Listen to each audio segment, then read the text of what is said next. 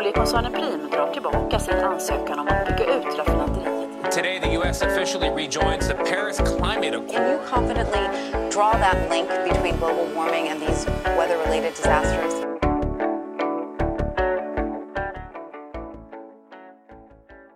Välkomna till ett nytt avsnitt av Planet och politik med mig, Lorentz Tovatt.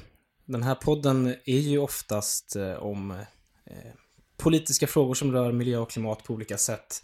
Ibland brukar jag dock eh, varva det med lite mer, eh, vad ska man säga, ideologiska avsnitt. Eh, och här kommer ett sådant. Och det är favorit i repris vad gäller att Klara Lidman är med mig igen. Men utöver det så har jag bjudit in Jesper Alin Marchetta. som har skrivit en bok som vi ska prata om som handlar om individualism. Jag tror att Eh, det kommer bli ett spännande samtal och som bakgrund så kan man passa på att lä- lyssna på det avsnittet som jag och Klara Lidman spelade in där vi recenserade eh, den här boken om, om Gud och eh, eh, Guds återkomst i den politiska debatten. Eh, Den publicerades för något år sedan. Så att om man vill ha lite bakgrund så kan man lyssna på det avsnittet innan man lyssnar på det här. Men eh, det får räcka som introduktion. Eh, nu sätter vi igång.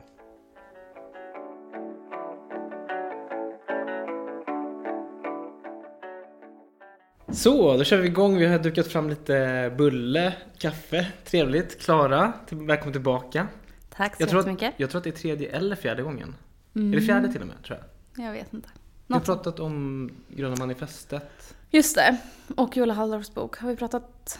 Det känns som att jag har pratat om kvinnor någon gång. Vi pratade om ekonomisk kritik i något sammanhang. Jo, då pratade du om kvinnor. Ja. Så och du pratade om din bok du skulle skriva för... Eller du skulle skriva något kapitel för Gröna Studenters Ja, bok. Ja. exakt. Fjärde gången.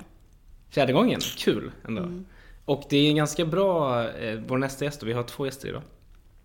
Det är en bra brygga från det avsnittet som ju vi spelade in om Kvarneros bok. Faktiskt inte jo, eh, Halldorfs, utan Kvarneros var det ju. Ja. Eh, för det är Jesper som är gäst. Eh, välkommen tillbaka. Tack så mycket. Väldigt kul att ha dig med. Och det är så kul för att eh, vi sa det precis innan att du och jag, det känns som att vi känner varandra. För att vi började följa varandra på Twitter för tio år sedan. Men vi har aldrig träffats i verkligheten. Det är spännande. Ja, men jätteroligt är det. Jättekul vara Är jag som du tänkte att jag var? Ännu snyggare. Oj, oj, man tackar. Um, detsamma, detsamma. detsamma. Du har ju för övrigt, eh, jag tänkte på det, eh, du är ju filosof och så vidare, men eh, på sociala medier nu så har du börjat bli eh, någon typ av liksom, fotograf-influencer känns det som. Oj, att det är någon som tittar. Ja, men det är jag Eller? som... Jag, jag har alltid fotograferat, alltid tyckt om att fotografera. Och sen har jag typ släppt alla spärrar och visar folk vad jag fotograferar också. Det är jätteroligt. Det är ju väldigt fina foton tycker Vad jag. roligt, tack. Det har, inte, du, det har du missat Klara. Jag missade det helt. Var finns de här fotona? Twitter. Du missar så mycket jag på är Twitter. inte på Twitter. Nej. Men det finns de på Facebook. Jag la upp en bild på en båt på Facebook typ igår. Mhm. Mm. Eh, en annan bara rolig, vi ska verkligen inte fastna i det, liksom personkotterier här, men eh, du, eh, du skriver ju i din bok bland annat om Kvarnero, som ju vi har recenserat. Men du skriver också väldigt mycket om Pajamolas eh, tankar. Och Pajam känner ju jag och Klara, för att han har gått eh, min akademi då. Så det är ju lite kul, eh, någon, ty- någon typ av cirkelslutning här. Men det ska vi inte fastna vid. Eh, vad kul! Jag tycker vi gör så här. Vi börjar med att prata. Eh, Jesper, du får liksom, ja men kanske... Vi, vi kan börja så här. Varför skrev du den här boken? Vad var, vad var upprinnelsen till det? Eh, flera saker. Det ena är att jag länge har forskat om de här frågorna. Och ville sammanställa min forskning till en sammanhängande berättelse och placera den i ett politiskt sammanhang. Så det är, det är ett, eh, ett syfte till boken. Och det tror jag att man, om man är intresserad av filosofi på det akademiska sättet, så kan man nog hitta saker av, av värde i boken. Eh, det andra syftet är egentligen att utmana den nyliberala berättelsen om världen, människan, samhället, politiken och liberalismen. Mm. Så att eh, boken är ju lite av en trojansk häst för Timbro. De, de ger ut den trots att boken liksom eh, då ska spränga organisationen inifrån. typ, Men eh, vilket är stor heder till förlaget särskilt, Andreas Jansson Heine som är en fantastisk publicist och redaktör och förlagschef. Eh, så, som tar in den här boken trots att den egentligen är eh, anti-timbroitisk. Det är ju otroligt att du erkänner detta. Erkänner, det är klart det ska, det ska man vara öppen. Alltså, Ja men jag tänker liksom att eh, du, du är så transparent med att det liksom, den ska spränga Timbro. Liksom, eller att den ska liksom in som en trojansk häst i Timbro. Och så är den utgiven av Timbro förlag. Ja men det är ju heder till dem. Ja det är det ju verkligen. Men det kan väl också handla om att de vill ha en debatt om de här sakerna. Att de liksom både ger ut en översättning av Mises och ger ut din bok. Exakt. Att det liksom, då skapar de ändå debatt kring saker de vill diskutera. Ja, men jag tycker det är ett kvitto på den intellektuella hederligheten som finns i Timbro, trots allt. Eh, Även fast man i sin politiska program har fel, så finns hederligheten där, och ärligheten, öppenheten och viljan till ett, eh, ett samtal, ett intellektuellt samtal. Mm, Så att eh, den delen av Timbro ska inte sprängas. Den, eh, den, ty- den tycker jag ska hyllas istället. Jag, jag, jag sa ju det till dig innan att jag kanske kommer reta dig lite för att du har gått och blivit sosse. Ehm, på samma sätt som att du säkert kommer reta mig för att jag är utilitarist under det här samtalet. Men ehm, eh, jag, jag kan ju inte bara säga någonting om din liksom, ideologiska resa. Eller din filosofiska resa kanske man ska säga.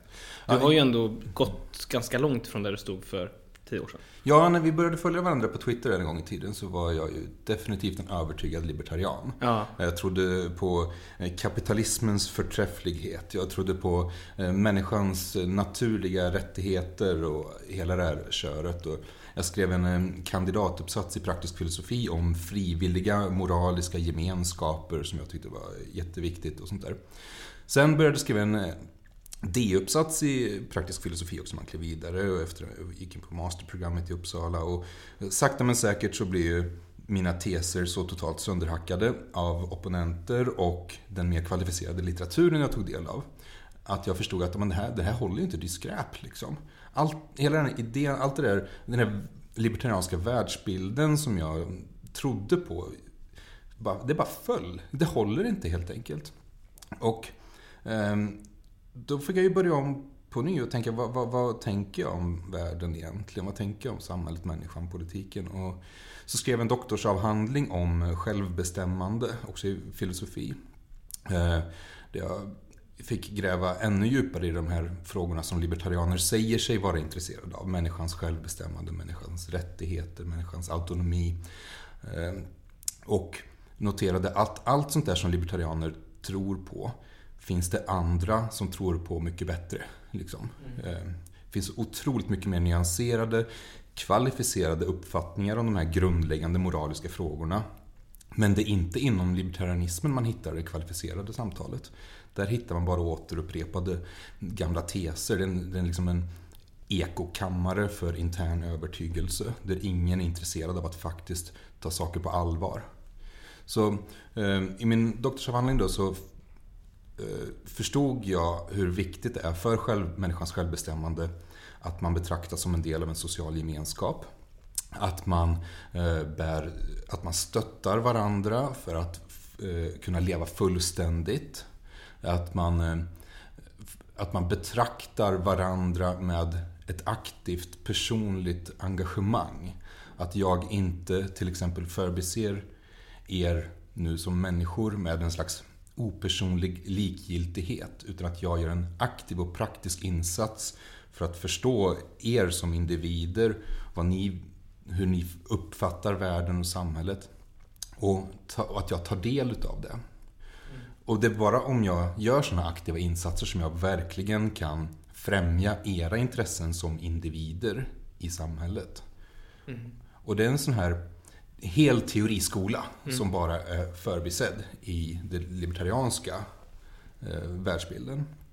Jag tycker det är intressant för att jag, jag tycker man märker det i din bok att du, eh, hur du förhåller dig till eh, idealism och realism.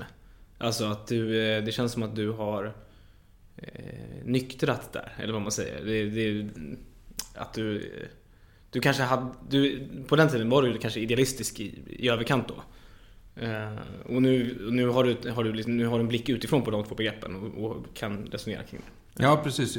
Eh, jag, på den tiden var som alla andra libertarianer att jag formulerade en världsbild i teorin. Liksom. Mm. Satte mig på min lilla kammare och bestämde mig för hur världen utanför kammaren fungerade. Mm. Sen klev jag ut i verkligheten. Och när verkligheten inte stämde överens med mina idéer så, så ja, det, är, det är verkligheten det är fel på. Liksom. ja den, hela den idealismen har jag rört mig bort ifrån och förstått att aha, för att kunna formulera tillförlitliga, sammanhängande, starka idéer om moral och politik. Då måste man engagera sig i moral och politik. Och försöka förstå hur fungerar världen egentligen och ställa de frågorna först. Dels rent praktiska, vilken, eh, vilken parlamentarisk form har vi i Sverige idag och vilka intressen har vi i samhället? Vilka, vilken historia har vi i Sverige? Eh, hur har de här idéerna och systemen tagit form praktiskt i verkligheten? Man måste gå dit, ut i verkligheten och titta hur den fungerar samtidigt som man formulerar sitt moraliska projekt. Annars förstår man varken moralen eller verkligheten. Så eh, det är därför jag då tar ställning för realism i boken. Mm. Eh, eh, att jag menar att eh, när vi formulerar en liberalism måste vi göra det med djup hänsyn till verklighetens villkor och förutsättningar och möjligheter. Mm. Jag tyckte att det var roligt i det första kapitlet när du skriver om Lena Anderssons bok eh, om falsk och äkta frihet. Tror jag den heter. Ja, du mm, nickar. Något, något liberalism kanske. Falsk och äkta liberalism heter det. Det kanske är så den heter. Ja. Ehm, och att nu när du pratar så tycker jag att du beskriver dig själv i henne väldigt mycket. För att du använder nästan till och med samma termer. Så hon sitter själv på sin kammare och hittar på den här perfekta idévärlden. Att, eh, att man kan tänka sig att du använder henne lite grann för att beskriva din egen resa, som du säger. Det är sant. Jag tror kanske därför också. Jag blir så arg när jag läser Lena Andersson. För det, är så otroligt... det märks ja, verkligen, men... fast mellan raderna. Det märks på ett lite akademiskt sätt, att när man läser i fotnoten så är det så jävla hårt. Men då måste man... och att jag såg att du i någon fotnot hänvisar till en annan text som du själv har skrivit. Och då går man in och läser den texten, eller gjorde jag. Och där är du liksom superkritisk verkligen. Ja, men det är ju för att det är så otroligt dåligt på alla sätt som någonting kan vara dåligt alltså det är så, det är så hård mot henne verkligen. Och jag blir arg på henne tror jag för att hon skriver fortfarande och tänker fortfarande så som jag gjorde. Exakt, jag, jag det känns som att det är det som själv, ja, liksom. det är, någonting i det som gör det extra starkt, tänker jag. Och, och det är liksom, en sån intelligent människa måste ju kunna break free från det här jäkla ekokammaren. Kom ut, liksom. Läs någonting annat än dina egna idéer, typ. Mm. Men, har, men har inte hon fastnat lite? Alltså jag tänker bara på hur hon uttrycker sig nu för tiden om, eh, om klimatförändringarna och sånt där. Det där känns väldigt skakigt. Jag vet inte, vad ja, säger hon om det? Hon har ju blivit liksom lite klimatförnekare okay. på äldre dagar också. Så det känns som Aha. att hon har fastnat lite i någon, jag vet inte. Ja, innan du bara, jag, vill, jag ska fortsätta berätta om, om vad du kom fram till i boken. Men eh, först bara så en sån begreppsgrej. För att du pratar ju väldigt mycket om, det är ju framförallt individualism. Eh, och sen så finns det ju också då liberalism som är centralt här. Vad, jag kan ibland inte riktigt greppa hur du använder de eh, uttrycken. Vill du beskriva vad de betyder de två? Individualism, det är det som min forskning har varit centrerad kring eh, mm. senaste åren. Eh, innan jag lämnade akademin. Eh, och individualism är ett socialt mönster i kulturer. Det är vi kan tänka på samhällen där människor motiveras av sina egna preferenser snarare än av sociala förväntningar.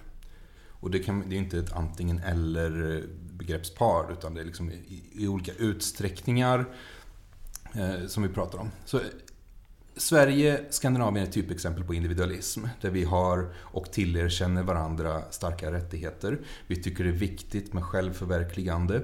Vi tycker det är viktigt att eh, människor lever sitt liv så som de själva vill leva det. Istället för att eh, vi för, istället för att leva i enlighet med till exempel en eh, traditionell hustruroll eller, så att, eh, eller i enlighet med eh, religiösa budord. Så att den här man kan säga, det finns, en, det finns en, ett, ett, exempel som används i forskningen för att illustrera skillnaden mellan individualism och kollektivism som är dess motsats. Mm. Och det, eh, Harry Triandes är en av de här pionjärerna inom forskning om individualism. Han, han säger vi ska föreställa oss att vi ska gå och köpa en matta, alltså en vanlig matta som vi har på bordet, eller på golvet. Eh, och sen i ett individualistiskt samhälle så går man och köper en matta genom att man kollar hur mycket pengar man har, man tänker efter vad man vill ha, man går till Pinterest, Instagram, tittar på lite saker man tycker är snyggt. Sen går man och väljer en matta i en butik, genomför en ekonomisk transaktion och bär hem sin matta. Och liksom det är det vi är bekanta med. Så, så fungerar vi här i Sverige och Skandinavien, vad vi än köper, vilka interaktioner vi än har. Eh, och så ska vi föreställa oss hur samma typ av köp kan genomföras i en kollektivistisk kultur istället. Då kan det istället vara så att den som behöver en ny matta eh, konsulterar någon i sin egen ingrupp som hör till samma klan, etnicitet, kyrka. Är det exempel på ingrupper? Ja, exempel, det är exempel på ingrupper. Och som då har no, som på ett, eller annat sätt kan erbjuda mattor genom försäljning eller genom byten. Och eh, sen kommer ingruppen tillsammans att välja ut en matta som stämmer överens med gruppens estetiska preferenser, eh, kulturella traditioner. Vilket i praktiken innebär att du hittar en mattförsäljare som går till samma kyrka. Du tar med dig din faster dit och din pappa och din syster och halva släkten. Och sen så väljer ni ut en matta som allihop i gruppen tycker funkar med den slags liv man själv borde leva. Så att ett mattköp i en kollektivistisk kultur är mycket mer än en ren ekonomisk transaktion som bygger på preferenser och rationalitet. Mattköpet är också någonting som bygger på en social interaktion, ett socialt band. Och själva köpet förankrar traditionen i den familj som bär hem mattan till slut. Så ett kollektiv, en kollektivistisk kultur är mycket mer traditionsbunden, eh, traditionsstyrd och eh, ofta religiöst styrd. Där människor helt enkelt förväntas leva eh, på ett sätt och om de bryter mot de här förväntningarna genom att till exempel vara homosexuella eller att som kvinna inte vilja stanna hemma med barnen, att vilja mm, sluta gå i kyrkan, då är de sociala bestraffningarna väldigt hårda det finns ingen uppmuntran till självförverkligande i en sån kultur. Utan det, det är den sociala pressen som styr människors liv. Så de här två begreppsparen, individualism och kollektivism, i, mm. uttryckta i ett exempel. Men för att jag tycker att det, man förstår det som att du tycker att individualism inte nödvändigtvis alltså, kräver så mycket liberalism. Eller att man typ i ett socialdemokratiskt samhälle kanske på ett bättre sätt kan skapa förutsättningar för individualism. Individualismen är inte med nödvändighet förbunden till liberalismen. Ja, det är väl det jag försöker säga tror jag. Att mm. du liksom frånkopplar dem lite från varandra. Eller du säger att liksom statsindividualismen till exempel kan vara ett, en bra metod för att få utlopp för individualism. Ja, eh, som sagt så är den, vår del av världen rent geografiskt sett är individualistisk. Ju längre upp mm. norr, ju mer sekulära samhällen du hittar, desto mer individualistiska är de. Och eh, det gäller alla partipolitiska organisationer och, och, alla ideologier i de här värld, eh, delen av världen är mer eller mindre individualistiska. Eh, boken heter Vi är alla individualister mm. och det finns en bokstavlig sanning i det. Mm. Så, så att individualismen är inte med nödvändighet förbunden till liberalismen men jag tror att liberalismen är det bästa sättet att förvalta individualismen på. Mm. Det är så jag tror. Okej, okay, så nu fick vi eh, definitionen här lite av individualismen som är den här då eh, kulturyttringen i eh, ett visst typ av samhälle. Ja. ja. eller en kultur snarare. Eh, men det var, eller vad du sa det bra i början där. Ett socialt mönster. Ett socialt kulturer. mönster i en kultur. Mm. Ja, det låter väldigt bra. Ja, ja men det var jättebra. För, och då var det allt det här med liksom Ehm, att det är de egna preferenserna som ska, ska gälla. Jag blir sugen direkt på att argumentera emot. Eh, det, det, det, som är så tråkigt är att jag kommer ju bara använda med Stormens utveckling-referenser nu. Mm. Men jag tänkte, jag tänkte direkt på det här med eh,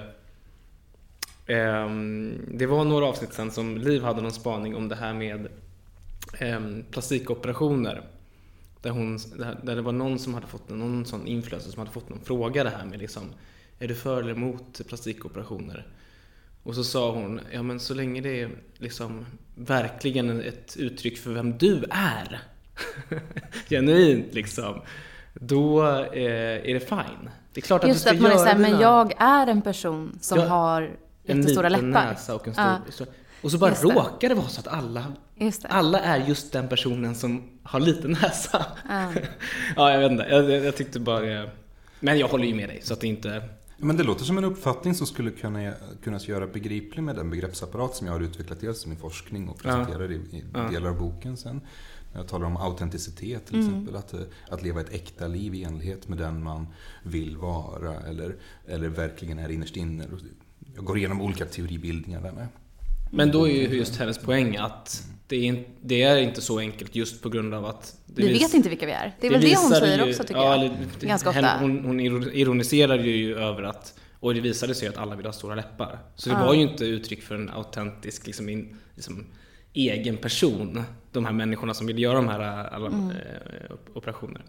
Men för att jag vet att hon har sagt så här flera gånger eh, att idag, i dagens samhälle så är den viktigaste uppmaningen till folk att man ska göra det som man genuinely want. Ja men exakt. Men att så här, folk kanske inte vet vad de egentligen vill. Ja precis. Det är väl det. Men jag, jag håller med det som du skriver i boken Jesper. Att människan har en eh, förmåga till individual, eller autenticitet eller något sånt, säger du. Att så här, det är någonting som vi kan kultivera och liksom få fram ur oss själva. Att så här, det finns, ja, jag vet inte, om man har ett samhälle som tillåter individuella uttryck så är det något som vi har kapacitet till. Mm. Det tror jag. Mm. Ja, det är de här frågorna. När vi ställer de här Vem är jag-frågorna. Eh, liksom, vem är jag egentligen? Vem är mitt äkta jag? Mm. Så, så, och så besvarar någon det. Ah, men jag är någon med stora läppar. Liksom. Mm. Då kommer vi fråga sig, har de, hur, hur har de gått tillväga för att besvara sina Vem är jag-frågor? Har de tagit hänsyn till de sociala influenser som vi har i samhället? Med eh, sociala media, de här bilderna och eh, eh role models, vad säger man, idoler, influencers. Liksom. Har de tagit en tillräckligt god och tillförlitlig hänsyn till de sociala influenser som påverkar våra preferenser? När de besvarar Vem är jag-frågan. Men just det, för du pratar ju också om det här psykologiska mekanismer som verkar bakom ryggen på en. Att man skulle kunna tänka sig att de här stora läpparna är ett uttryck för det. Att man tror att det är ens autentiska vilja, men egentligen är det kanske inte det. Om man skulle rannsaka sig själv lite djupare, eller om man, alltså det kanske handlar om att man tänker på vilka, hur man vill bli mött, bemött av andra, fast det kanske egentligen inte är ens riktiga önskemål. De svarar fel på Vem är jag-frågan. Ja, exakt. Att du, precis. Eller? Men okej, jag, vill- jag, jag vill Eller det är en möjlig förklaring i alla fall. Vad sa du? Det är i alla fall en möjlig förklaring tycker jag. Det är en möjlig förklaring att det pågår bakom ryggen på en. Men å- ja, ja, jag kommer nog säkert återkomma till det senare. Så att, eh, tillbaka till eh, bara eh, boken och eh, först, nu har du liksom gett den här definitionen av, av individualism då.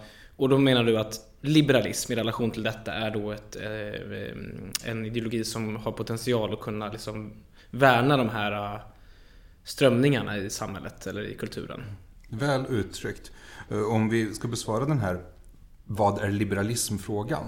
För Det är där som min trojanska häst kommer in i Just bilden det. ungefär. Eh, Som jag ser det så finns det olika sätt att besvara frågan. Vad är liberalism? Eh, Ett sätt att gå till språket. Liksom ordet liberal. Vad har det för ursprung? Då kan man gå tillbaka till latinets liberalitas. Som hade att göra med plikt och vad som förväntas av en fri människa. Eh, och hur ordet liberal och liberalt har förändrats över tid. Det är ett sätt att besvara frågan vad är liberalism?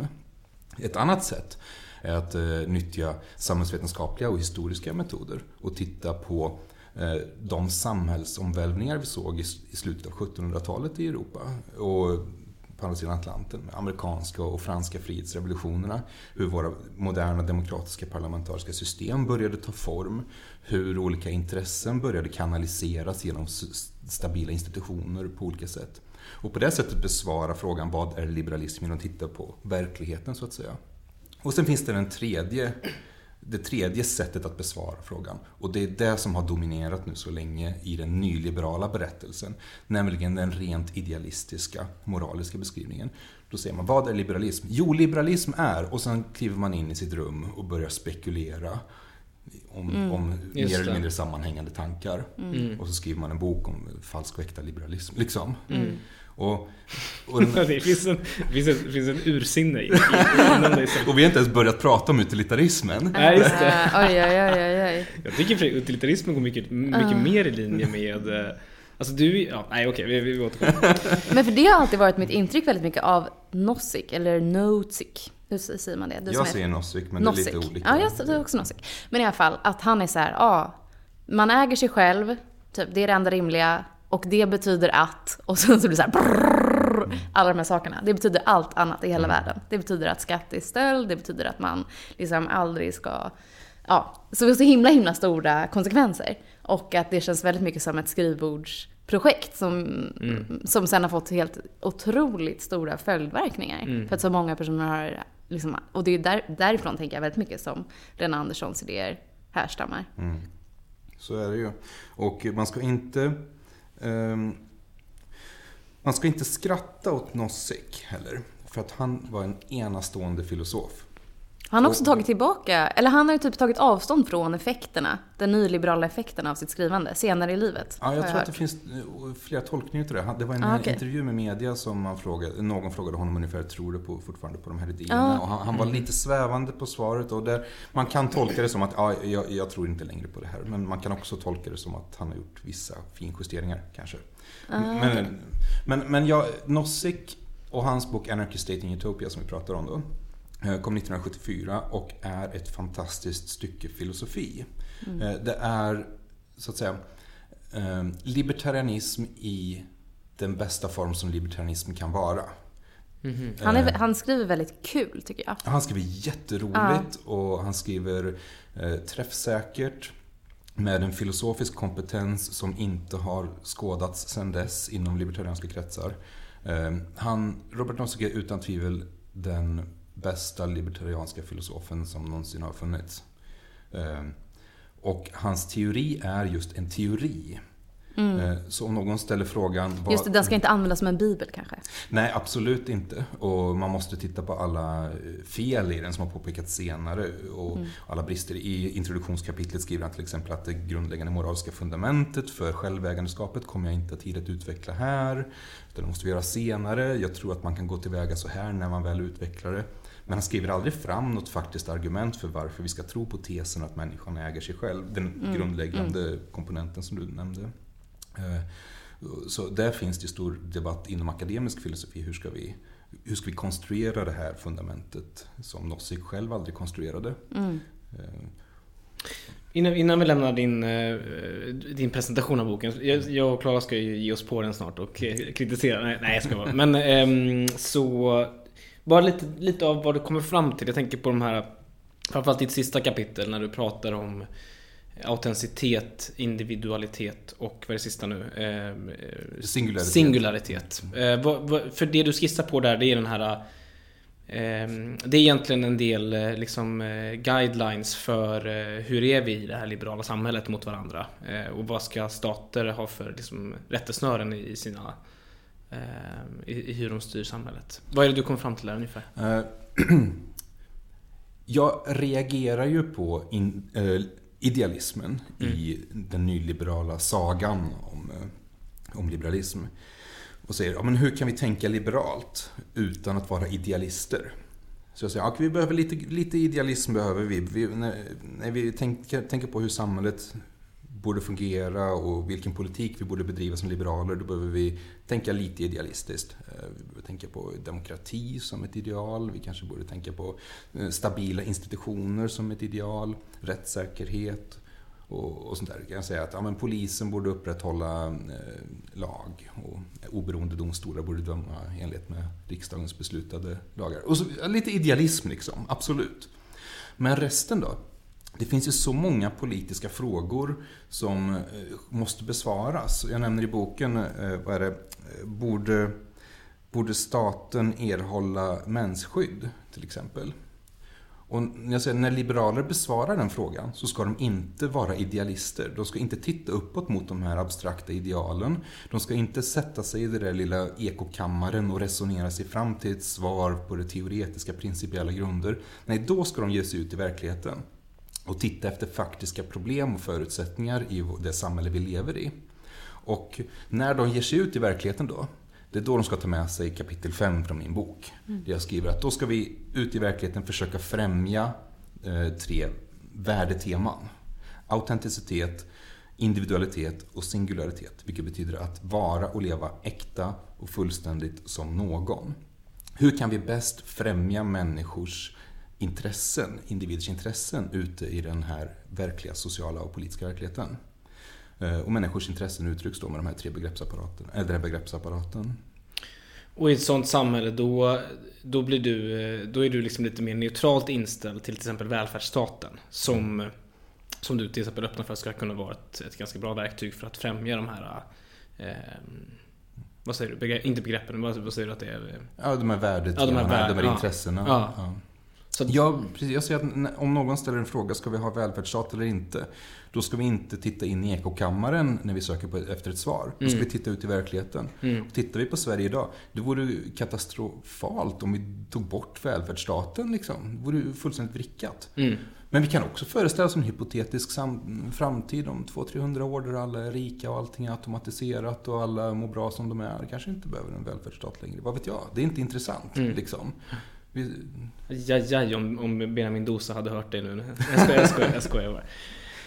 Nåväl, jag och Klara ska försöka eh, komma med eh, lite feedback här. Men jag, först och främst ska jag säga, jag, jag undrar hur mycket jag kommer kunna bidra med. Det- Den är ju liksom, du är ju akademiker så det är, det, det är lite svårt att ge sig på den på det sättet för att den är liksom, du är ju väldigt, liksom, du, du beskriver ju väldigt eh, mycket och detaljerat tycker jag. Och mycket begrepp och sådär. Eh, Men någonting ska väl ändå kunna skra- skapa fram. Ja, exakt. Jag och. Lorenz hade som en liten snack Ja. innan. Vi bara, den var svår den var. Klara, vad har du tänkt? Eh, riktigt svår. Ehm, ja, jag tyckte att det var en svår bok, precis som jag har sagt. Ehm, men sen så kände jag också att jag känner igen mig ganska mycket i var du står ideologiskt.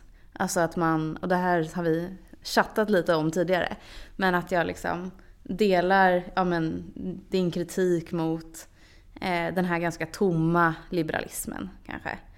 Eh, men det är ju egentligen mer på ett personligt plan. Att jag tycker att den är lite mm, kall typ. Och hård kanske. Eh, men i alla fall. Ja, det var någon som sa till mig någon gång att alla partier i Sverige är egentligen socialliberaler, bara mer eller mindre. Ehm, och det kan jag verkligen hålla med om. Och jag läste av Isaiah Berlin, så har han skrivit om värdepluralism. Och du pratar också lite om värdepluralism i din bok. Att man kan tänka sig att det finns flera viktiga värden som man måste balansera mot varandra. Och ingen av de här värdena kan inkorporeras i andra. Och då pratar han om att jämlikhet och frihet är två sådana värden, tycker han då, Isaiah Berlin. Och det är det som, tänker jag, utmynnar i det socialliberala samhället. Att man vill ha både jämlikhet och frihet. Ehm, och att om man bara har jämlikhet så blir inte det bra och om man bara har frihet så blir inte det heller bra. Men att jag tänker att man borde lägga till några fler saker. För nu har vi bara socialliberalism, tänker jag, i Sverige. Vi har liksom en statsindividualistisk stat eh, som följer oss från vagga till grav, men utöver det så är samhällsbygget ganska tomt. Och att jag tänker att de här två sakerna som saknas är gemenskap, men också mening. Och att det är väl det som Joel Halldorf vill påpeka i sin bok Gud och återkomsten, är att de här två sakerna finns. Och att jag förstår det som att din bok vill liksom vara ett svar på det. Ehm, och att ditt svar, förstår jag det, du får rätta mig om jag har fel, men är då att vi ska vara aktiva samhällsmedborgare och skapa ett samhälle tillsammans. Och att det ska då fylla det här tomrummet. Ehm, förstår jag det rätt? Ja, många saker där.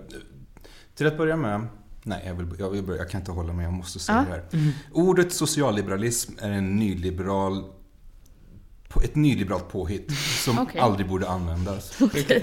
Ehm, Det var bra att jag fick reda på det. Socialliberalism är den riktiga klassiska liberalismen om det finns en sån. Ah, okej. Jag använder ordet liberal och avfärdar vid varje tillfälle ordet socialliberal. Ja, för det skriver du inte i din bok. Nej, jag, jag, jag, jag har mer att skriva. Ah, Jag har bara börjat. Ja, ja. Nej, men, eh, jag vill också säga att Halldorf har rätt i så otroligt mycket. Han Mm. är en samtida tänkare vi ska läsa och ta på allvar för att han är otroligt genomtänkt. Har en sund kritik av vår samtid Så att, och han är inte ensam om det här. Han, eh, Halldorf är teolog och kyrkohistoriker. Eh, så vad han gör, han tar ju med sig mycket kommunitär filosofi. Eh, Kommunitarismen är en, en, en skola inom akademisk filosofi som började ta form under 70 eller i- som i sin nuvarande form utvecklades under 70 80-talen ungefär. Eh, De här kommunitära filosoferna utvecklade ett, en filosofisk kritik av sin samtid som Halldorf bygger på och applicerar när han tolkar samhället. Och vad jag säger i boken är typ kommunitarianerna och Halldorf och Pajamula har jäkligt rätt i, om jäkligt viktiga saker. Och liberaler kan inte gå tillbaka till någon slags supertänkare som levde på 1600-talet för att hitta det egentliga svaret. Utan liberalismen behöver utvecklas. Liksom. Vi behöver erkänna, fan de hade ju rätt. Hur vad gör vi nu? Liksom. Och det, det är så jag reagerar i boken. Så det tredje kapitlet i boken är ägnat att förklara hur kommunitära tänkare tänker. Och i kapitel 4 och 5 så försöker jag säga, okej hur kan vi som liberaler ta vara på den här kritiken? Och då till exempel utveckla en föreställning om gemenskap och mening, som du nämner. Li- Liberaler måste tänka på gemenskap, för det har vi negligerat alldeles för länge. Utan en före, sund föreställning om gemenskap i samhället så bygger vi inga bra samhällen. Och vi måste ha en idé om vad som är meningsfullt i människans liv och hur människan kan åstadkomma mening tillsammans eller på egna, egen väg. Liberaler, tycks, tycks helt, liberaler tycks hittills helt sakna de begreppen i sitt vokabulär. De saknar de teorierna i sin eh, ideologi. Så att det är, en- det, är en, det är en djup och viktig brist som liberalismens kritiker har pekat ut. Och här har vi arbete framför oss. Liksom. Vad- vad Jag var- kommer ihåg när vi hade läst eh, Joel Halldorf, du och Ja. jag Lorenz. Vi hade Ja. läst den båda två tror jag, på varsitt håll. Och att vi pratade om den, att man är så här: wow, det går inte att läsa den utan att känna att han verkligen har rätt. Eller att han verkligen har en stark poäng. Eller vad skulle du säga? Fick du, jag tänkte att du ställde en fråga här. Det var, Om du hade tolkat rätt. Nej, vad, det var det du... Mm, Precis, Ja, det att- var gemenskap och mening då. Och att jag förstår det som att det här du målar upp då i din bok är att hur man ska få till det här, det är genom att den här em, republikanismen som Cicero eh, pratade om, att man ska vara em, människor som tillsammans skapar lagar em, och att det liksom är på något sätt lösningen. Ja, jag, jag börjar så att säga ta de absolut första spadtagen för en liberal föreställning om gemenskap i det här fallet. Eh, Jag utvecklar absolut inte en fullständig teori. Det, här är vi nere på ganska mycket grundforskning. Jag har haft en del konversationer med idéhistoriker särskilt om, om just eh, det republikanska gemenskapsbegreppet. Och, ehm, vad jag, eh, vad kommunitarianer säger, alltså de här kritikerna utav liberalismen, de, eller vad de sa på 70 80-talet, eh, det var då de skrev som mest och eh, sen dess, sen dess är det alldeles för få som läser dem. Ehm, de menar att människan är i behov av gemenskap. Människan kan inte hitta sitt syfte i livet utanför en social gemenskap. Ungefär. Och när de skriver så, så tittar de på Aristoteles, alltså den här grekiska filosofen som levde på 300-talet före Kristus, och hur han formulerade sin etik och, och, och sina teorier om människans natur. Och då säger jag att, i min bok att eh, det här är superviktiga grejer, men vi ska inte titta på Aristoteles. Vi ska gå till Cicero Mm, och precis. den eh, romerska republikanismen. Och då ska vi inte anamma det hierarkiska slavsamhället till exempel, eller den djupa korruptionen som fanns i Rom. Men vi ska titta på hur eh, republikaner föreställer sig moral och liberalitas, det, det gemenskap, gemenskapsskapande band som binder mänskligheten samman. Och istället för att titta på människan som en varelse i behov av gemenskap ska vi föreställa oss människan som någon som vill ha gemenskap.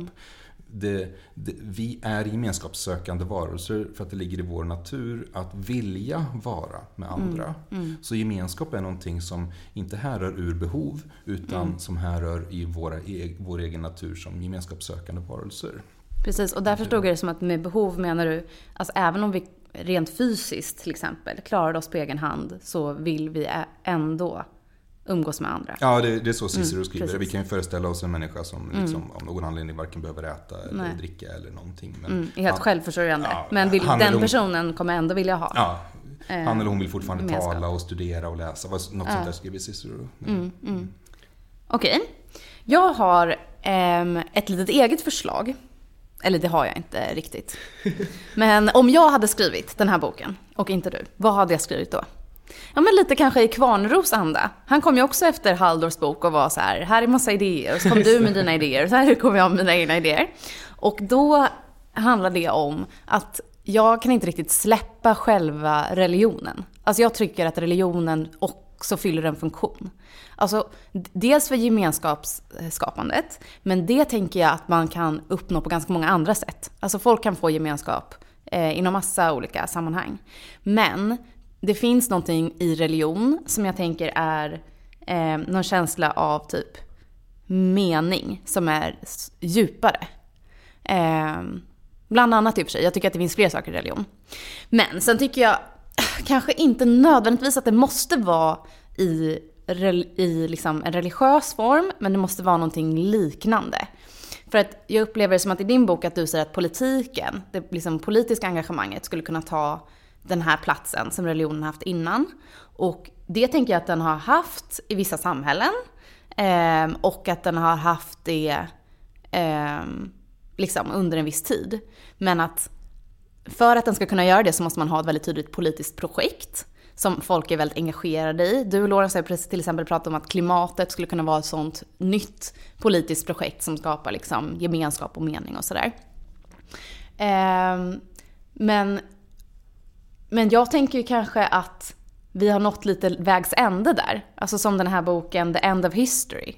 Att sen när man väl har nått till ett typ liberalt samhälle där folk har olika friheter och så här, så kanske man inte har politiska projekt som kan sammanföra folk på samma sätt som man hade när så här, man utvecklade välfärdsstaten. När man typ avsatte eh, kungen, det har vi i och för sig inte gjort. Men liksom så här, franska revolutionen, sådana saker. Det är liksom in the past ändå. Eh, så det kan vara svårare att enas kring det här politiska projektet. Alltså jag vet att jag pratade med någon, nu kommer inte jag ens ihåg vem det var, men som var eh, socialdemokrat och som var så här, men vi måste hitta vårt nästa projekt. För att vi är redan framme. Och det är liksom så svårt och läskigt då, för då var den personen så här, hade massa idéer, så här, vi kanske skulle kunna jobba mer med tandbidrag. Alltså så här, eller vi måste liksom, det måste hela tiden öka, eller det måste finnas någonting. Det kan inte bara vara så här, ah, nu är det status quo, för det skapar inte gemenskap, och det skapar inte mening, och det skapar inte de här sakerna. I alla fall, och jag är väl ganska nöjd med samhället som det är ungefär. Det är det. Eh, Så jag vill kanske inte ändra på så mycket saker. Men det jag tänkte är, egentligen att jag vill ge ett tips som är en eh, ehm, tänkare, filosof kanske han är, som heter Alain de Botton. Och eh, han eh, skrivit ganska mycket böcker. Du ser lite, vet du vem det är? Nej. Eh, han har skrivit en del böcker och, framför, och så här gett, ger olika föreläsningar på YouTube. Eller han ger dem i olika sammanhang, typ på Operahuset i Sydney. Men sen så ligger de på YouTube. Det är så att jag har, jag har kollat på de här olika. Och då så har han ett eh, där han pratar om ateism. Eh, fast han kallar det för Atheism 2.0. Och det är för att han tycker att ateisterna inte ska nöja sig med att tacka nej till religion. Och säga så här, ja ah, men det finns massa övernaturliga idéer inom religionen och de tror jag inte på och därför skrotar vi allt med religion. För att det finns jätte, jätte, jättemånga saker i religion som vi behöver. Och hans förslag är väl att vi liksom på något sätt ska försöka då ta in dem eh, och liksom utnyttja dem. Eh, men till exempel att, eh, jag tycker att det är så fint att han pratar om så här, men livet är svårt. Och i det liksom upplysta samhället så behandlas vi som att vi är vuxna. Och att vi är förnuftiga och att vi vet vad vi vill och att vi är rationella. Men egentligen, det som religionen säger till oss är att vi är barn. Är att så här, vi behöver vägledning och vi behöver tröst och vi behöver eh, någon som ger oss, liksom säger till oss eller typ ger oss moral och så här. Vi behöver, eh, vi behöver väldigt mycket saker eh, för att typ uppfostras även när vi är äldre. Eh, och ja men så här, eh, ge, liksom, ge en känsla av mening och eh, eh, om så. Men och att han pratar då om väldigt många saker som eh, religionen har. Till exempel att man har under året utpytsat massa olika saker som är viktiga för människan. Att till exempel, ja ah, nu är det en månad så ska du tänka på förlåtelse. Och sen ska du tänka på tacksamhet. Och sen så ska du tänka på ödmjukhet och sådär. Och att eh, när vi liksom lämnade religionen så tappade vi så himla mycket saker som vi behöver. Eh, sen har jag i och för sig inte riktigt någon, något bra förslag på hur, det är väl alltid det här man kommer fram till, huret. Eh, men att han säger då att så här, eh, vi, får, vi borde organisera oss i spontana kluster. Så att man, jag tänker mig att man kanske typ är några kompisar som hänger och så pratar man om sådana här viktiga saker som förlåtelse och sånt. Men det tänker jag inte kommer fungera. Det känns eh, lite långsökt. Eller? Kommer folk göra det verkligen? Att jag tänker kanske att vi ska gå in i institutioner och organisationer snarare. För att det är lättare bara. Att det är något som är lite mer uppstyrt. Eh, så jag kanske förespråkar, i brist på annat, att man ska gå i kyrkan. Även om man inte tror på Gud. För att man blir påmind om alla de här viktiga sakerna. Eh, och typ kärleksbudskap och typ tacksamhetsbudskap och sådana saker. Eller, det finns ju också folk som har tagit olika sådana initiativ. Han pratade om någon som men försökte bilda en sekulär religion. Som skulle vara precis som en religion, fast den skulle vara då eh, liksom, in, sakna Gud, men innehålla alla de här beståndsdelarna. Och det blev ju, det har man ju aldrig hört talas om, det blev ju en total flopp. Det var ingen som ville med i den där. Så att, ehm... Alexander Bard försökte ju det. Tack, okay. Tacka gud att det inte... Och exakt, och humanisterna, alltså det är ju många mm. olika som försöker, men det funkar ju inte. Så det kanske måste vara typ religion, för att det ska fungera. Alltså, um min bok är ju begränsad till den bemärkelsen att det är en bok om politik. Eh, den behandlar inte hela samhället och livet och människan. Liksom. Och Halldorfs bok med flera skiljer sig åt från min i att Halldorf kan inte ta sig an samhällsproblem utan religion. Liksom, religionen måste in som en komponent i hans analys av samhället. Och det skiljer vi oss åt eh, på ganska fundamentalt plan. Liksom. Men jag tror att jag håller med dig om att vi har tappat någonting eh, i och med sekulariseringen. För människan är en väldigt existentiell varelse med andliga eh, tankar och eh, funderingar och behov också. Viljor. Eh, människan tänker på vad är rätt? Vem är jag? Vad är min plats i historien? Och sådana här väldigt, väldigt stora frågor. Och religionen har ju tidigare gett människan svar på de här frågorna, eller, många, eller vägledning i de här frågorna. Och utan religion så kanske vi saknar den vägledningen, vi saknar de svaren. Um, ja, absolut, vi, vi kanske behöver bli bättre på att prata om spiritualism eller andlighet, prata om vår existens. Och det är någonting kanske ingenjörs-Sverige är skyldigt till snarare än typ liberalismen. Jag menar, vi är så jäkla rationella kalkylerande här. Mm. Mm. En huvudlösning är att kasta ut New Public Management och tvinga folk att tänka och resonera istället för att räkna. Det kanske är ett steg på vägen till mm. Eh, ett, ett, ett, mer sånt samhälle. Vilken filosof är det som har skrivit så mycket om det? Det här, det är väl... Det... Jana Bornemark har skrivit lite Ja, just det. Precis. Som handlar jättemycket om det här med att vi ska mäta allting. Och så. Mm. Ja, just det. Mm. Hade du mer? Jag är klar. Ja, bra. Du... Tiden går. Så jag måste hinna med lite av min också. Men jag har... Um, jag har uh, en snabbis och sen en som jag vet inte. Ja, vi får se. Men, men jag tänkte lite... Ja, men vi har snackat ganska mycket om Halldorf och sen så har vi... Jag vet inte... Jag tänker att din bok kommer ju lite som ett svar på ändå något av en våg av kritik mot liberalismen och du, du svarar upp mot de här tänkarna som har mer det här kollektivistiska eller kommunitära tänkandet. Eh, och kritiken där är ju väldigt mycket det här med eh, det känns som att jag alltid säger så här så det känns som att jag bara hakat upp mig. Men just det här med liberalismen som ett skal och sen så är det liksom lite tomt inuti. som vi varit inne på. Um, och då är den här frågan som då Klara varit inne på just med mening. Och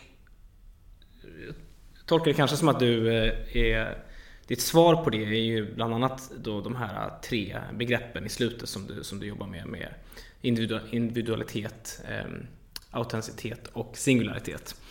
Eh, Eh, men däremot så lämnar du fortfarande kvar då det här eh, beslutet om vad som är mening lämnar du väldigt mycket hos individen tänker jag. Och det, det är ganska naturligt. Men kritiken är ju kanske just det. Men jag tänkte bara, jo, för det var, det var några saker som jag tänkte på där. Eh, och det, det första var Just det, det här med hur, för en, en sak som du bemöter det är att Eh, de här kommunitärerna, de, eh, deras kritik är att eh, liberalismen ser människor som asociala. Och du köper inte det, eller hur? Eh, men är inte kritiken kanske ännu mer att man liksom nä, nästan blir asocial i det här systemet? Eh, att man liksom inte... Eh, att man alieneras i det här systemet. För att det inte finns... Det, är neutralt på värde, liksom. Tänker jag. Ehm, och eh, kanske att jag hittade ett, ett, ett litet tillfälle där du också eh, själv liksom lite gav sken av att det kanske ändå är så. Eh, jag tänkte på det här exemplet du tog med Robinson Crusoe. Ehm, jo, för det handlar om mening då. Eh, när, eh, ja men liksom, om man skapar mening, för man ska kunna skapa mening för sig själv. Jag vill läsa högt här bara. Det är faktiskt inte alltför komplicerat att föreställa sig hur mening kan lokaliseras i människans egna beslutsmekanismer så att mening i livet ges en individualistisk förklaring. Människan kan till exempel finna syfte och riktning i livet genom att föreställa sig en fulländad version av sig själv och sträva efter att vara och leva på ett sätt som denna version skulle ge sitt stöd åt. Strävan efter att bli den bästa versionen av den man är, att kultivera sin individualitet, är en meningsfull verksamhet. Eh, så det var en grej. Men och då, eh, jag tyckte det här var intressant för då tog du just Robinson Crusoe som exempel på det. Eh, att, att han kan skapa mening för sig själv på en öde ö. Och då tänkte jag just att kan han? Alltså jag tycker inte att man... Jag skulle aldrig kunna tänka mig en sån situation där det skulle kännas meningsfullt. Alltså, om jag är ensam på planeten. Mm. Jag skulle aldrig göra alla de här liksom sakerna som gör att jag är en bra människa. Eh, faktiskt. för är det för att han kanske har hopp om att någon gång hitta tillbaka till civilisationen?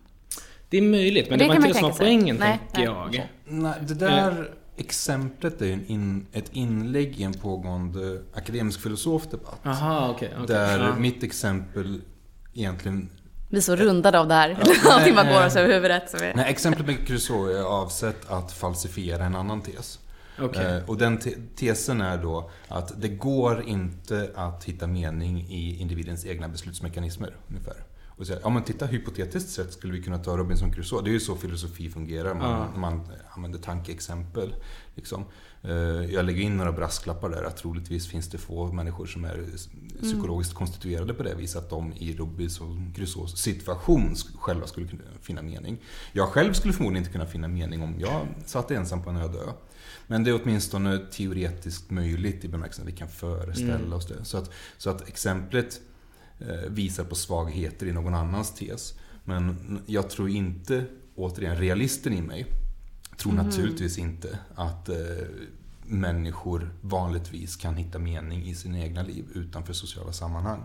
Mm. Eh, tittar vi på forskning kring hur människan funkar så, så, så vet vi att vi är till, en, till någon del uppbyggda av våra sociala influenser. Liksom. Mm. De preferenser jag har, har inte jag för att jag Jesper i Marcheta utan de, de, har jag för att ja, jag är uppvuxen i Mariestad och instoppad i idrottsrörelsen. Jag spelade hockey i 16 år och sen liksom, alltså, man, kan, man kan inte lyfta ur människan ur ett socialt sammanhang och realistiskt sett förvänta sig att hon skapar ett meningsfullt liv för sig själv. Um, så mm. det är mm. skillnaden. Renodlad filosofisk argumentation och praktisk realism för mm. verklighetens politik. Liksom. Mm. Mm. Men jag, jag, jag, jag, fattar, jag fattar det. Um, samtidigt så tänker jag att mycket av kritiken som kommer från de här kommun, kommunitära tänkarna Det är just att eh, om man har den här idén om liksom, individens självförverkligande så eh, som det mest centrala liksom. Eh, då kommer det till slut bli värdeneutralt där. Alltså det, liksom, inom de här, innanför den här ramen så kommer det vara så att eh, det blir värdeneutralt och då har inte människor eh, jag vet inte, alltså poängen är väl egentligen att för att inte bli ensamma då i det här systemet så måste man ha den här sociala delen och den kanske har slagit sönder i det här systemet. Är du med på vad jag menar? Ja, jag, tror, jag tror absolut att jag är med på vad du menar. Och, och låt mig åter- återigen påpeka att jag menar att de här kommunitära tänkarna har rätt. Liksom. Att det Just är en brist i, liberalismen och vi måste göra någonting. Och därför skrev jag en bok. Liksom. Så att jag just det. köper Ja, hela okej. premisserna. Ja, ja. Men sen kan man titta också på forskning kring de faktiska följderna utav individualism. Till exempel då, blir vi mer ensamma? Bryr vi oss mindre om andra? Och så vidare. Och eh, blir vi sämre på att hantera gemensamma resurser? Det är den typen av eh, frågor som man kan ställa. Och jag, besvarar alla jag har sett i boken med hänvisning till forskning. Ja, jag, såg att du gjorde det och jag jag hade en viss, lite syn- synpunkter på det här med miljö. För det, ja, Ja, men, ja. men, men eh, kan man säga det, nu, jag kollar inte alla dina källor, men kan man säga till exempel att svenskar är mindre ensamma? Jag tänker bara på att vi, vi har väl, vi har väl rekordmånga singlar till det, exempel. väldigt många ensamhushåll. Fast Eller? folk kanske inte känner sig ensamma. Nej, Alltså den, eh, svenskar är inte ensamma i jämförelse med andra länder. Eh, svenskar blir inte mer ensamma än vad vi var förut. Så att de här påståendena om att individualism leder till ensamhet tycks jag ha väldigt svagt stöd. Vi är, okej. och då är det ju eh, självupplevd ensamhet man talar om. Anser du dig vara ensam? Känner du dig ensam? Och så vidare. Och svaret är bara nej, svenskar är inte ensamma i den bemärkelsen. Mm. Mm. Och det andra är då, eh, har med altruism att göra. Bryr vi oss mindre om våra medmänniskor? Så Mm. att säga. Och svaret är nej, individualistiska kulturer är mer altruistiska än andra. Mm. Vi är mindre egoistiska i individualistiska kulturer. Mm. Så att de här kritiken om att individualismen har vissa negativa följder på ensamhet och altruism, det stämmer liksom inte. Mm. Okej, intressant. Ehm, jag tänkte på det här bara... Okej, som en liten följd, följdreflektion då. Ehm, jag hade ju någon... Eh, jag hade ju i den här tidigare podden så hade jag någon, eh, någon spaning. Jag tycker den haltade så här i efterhand. Men, eh, vilket det här också definitivt gör. Jag har inte tillräckligt tänkt igenom det. Men eh, just det här med att när man när man har den här självförverkligande idén, att liksom människor ska självförverkligas, eh, bli den bästa tänkbara eh, versionen av sig själv och liknande. Eh, och så har man det i ett samhälle där det, fin- där det inte finns liksom en, en, en allmän moral som eh, påbjuds. Ehm, då blir det ju väldigt lätt det här med att det, det kan bli eh, oövervinneligt för många. Jag tänker på liksom de senaste årens debatter om incels eller liksom eh, men, plastikkirurgi för den delen som vi var inne på tidigare. Att eh, eh, då blir det ens eget misslyckande så fort det går dåligt för en att självförverkligas. Eh, så om man liksom, och, där, och där kan man ju tänka sig att Någonting som eh, också Stormens utveckling har varit inne på ganska mycket, det här med meritokrati. Att liksom vi alla har så olika förutsättningar att självförverkligas. Alltså jag har vänner som, har- som, är, som har väldigt mycket ADHD. De har helt andra förutsättningar än, än eh, vänner som jag har som är mer autistiska till exempel. Och eh, om man då inte har liksom en... Säg, säg att man skulle ha en allmän moral som är att vi ska försöka sträva efter jämlikhet väldigt, väldigt mycket. Det innebär att eh, vi ska ha väldigt, väldigt hög grad av omfördelning. Vi ska ha eh, ett system som bygger på att eh, vi lyfter de som inte klarar sig annars. Då blir ju det personliga tillkortakommandet väldigt litet. Om man jämför då med ett system där man säger att det viktigaste är- att eh, staten inte ska säga vad som är rätt och fel.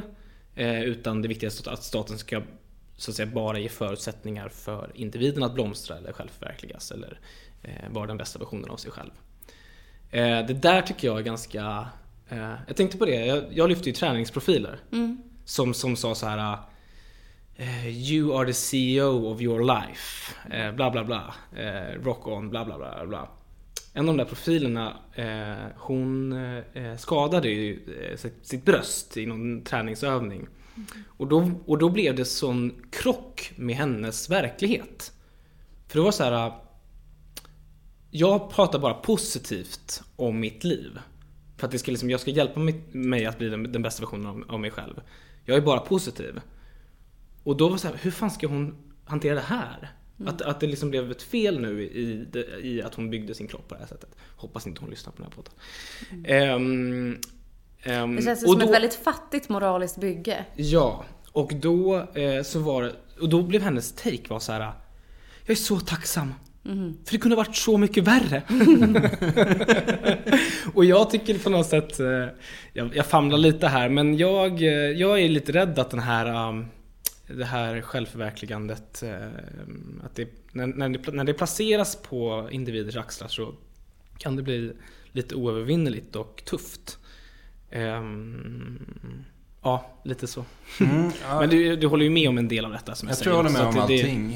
Eh, Men jag vill förtydliga då, det knyter an till det du sa förutom Messiah Berlin och värdepluralism.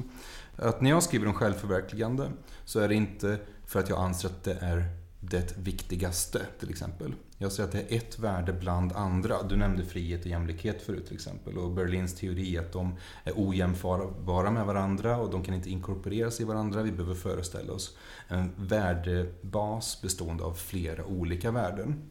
Och det är så jag tar mig an begreppet självförverkligande också. Det är ett av flera värden. Jag skriver om eh, ekonomisk rättvisa till exempel. Och hur vi, äh, jag skriver att det är fel att någon har så mycket ekonomisk makt att de kan dominera andra. Mm. Till exempel.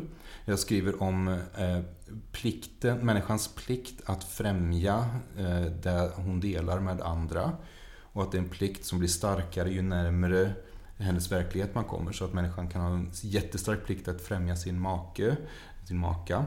Eh, en plikt att främja sin bostadsrättsförening, sin kommun, sitt land och så vidare. Genom det liberalitas, det band som håller mänskligheten samman. Och jag, jag skriver om eh, människans plikt att bistå varandra i deras egna projekt i livet. Att jag som individ, för, för att jag ska betrakta er två Lorentz och Klara som fullständiga individer, måste jag göra den aktiva och praktiska insatsen att försöka förstå era verklighetsuppfattningar och vad ni vill åstadkomma i livet. Och, och, och stötta er i detta och dela era ändamål. Mm. Men hur mycket, hur långt går det liksom? Förstår du? Du kan ju, för du kan ju stötta mig genom att inte aktivt motarbeta mig. Men du kan också stötta mig genom att komma hem till mig varje dag och hjälpa mig med olika saker. Alltså förstår du? Hur mycket behöver man stötta andra? Det tänkte jag på när jag läste det där. Ja, för det första så gäller det bara att stötta eh, maximer, som ordet här.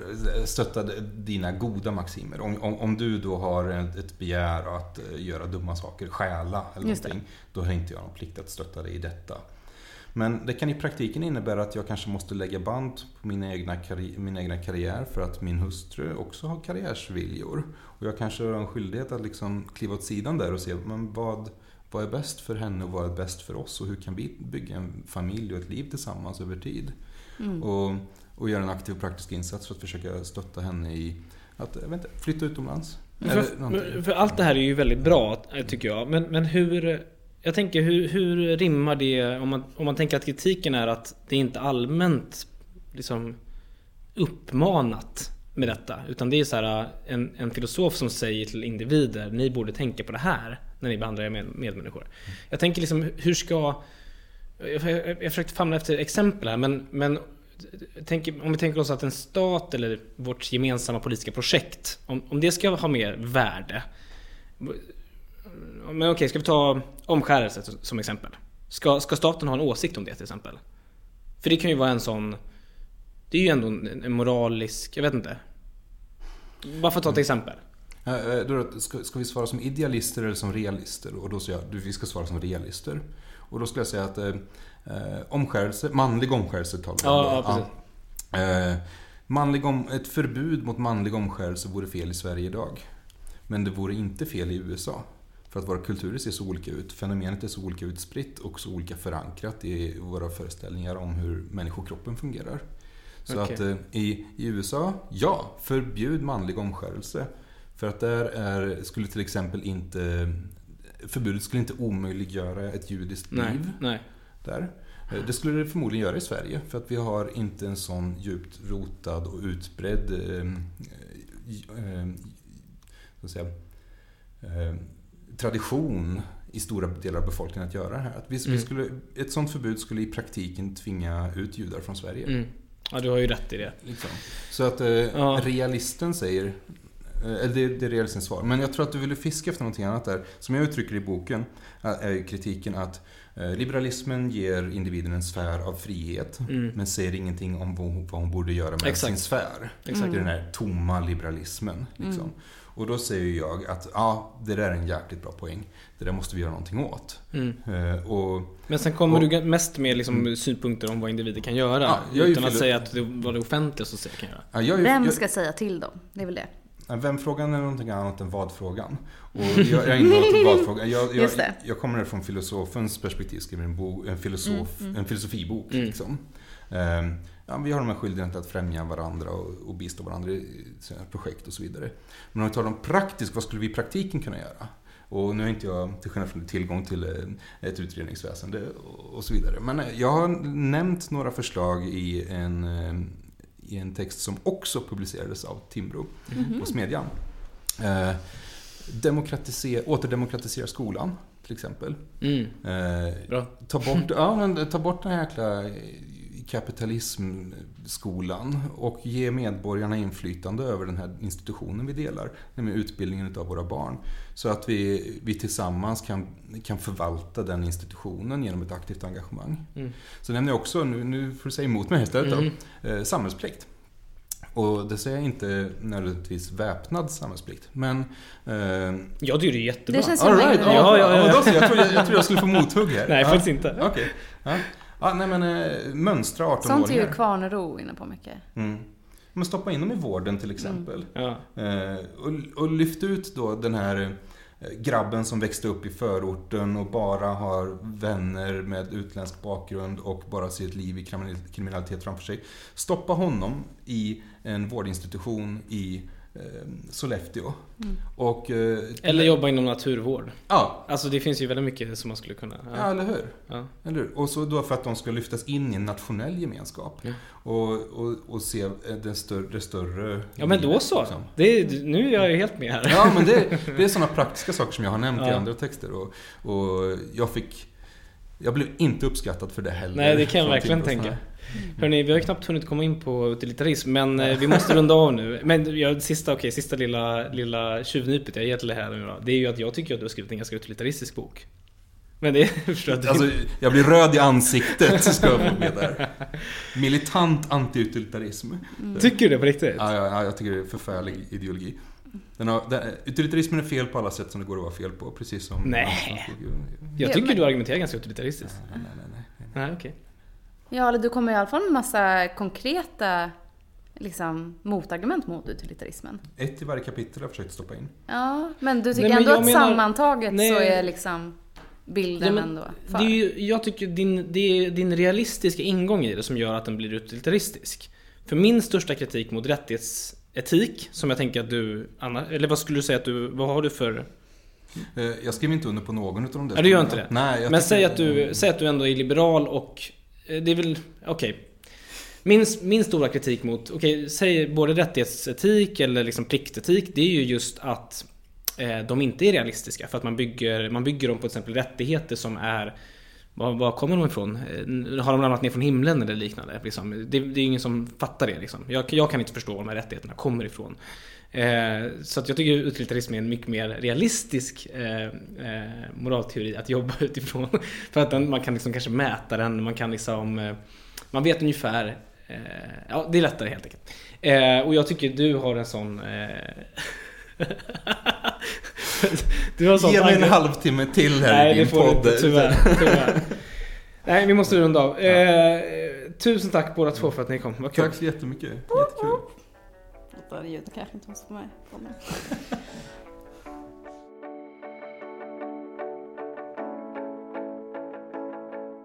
Tusen tack för att du har lyssnat. Eh, det här har varit eh, ett till avsnitt med, av Planet och politik. Boken som vi pratar om heter alltså Vi är alla individualister. Eh, och den går att beställa på Timbro förlag, om inte annat. Jag vill tacka Christian Hanner som hjälper mig med ljud och klippning och vignett och sådant. Eh, och eh, vi hörs igen om en vecka.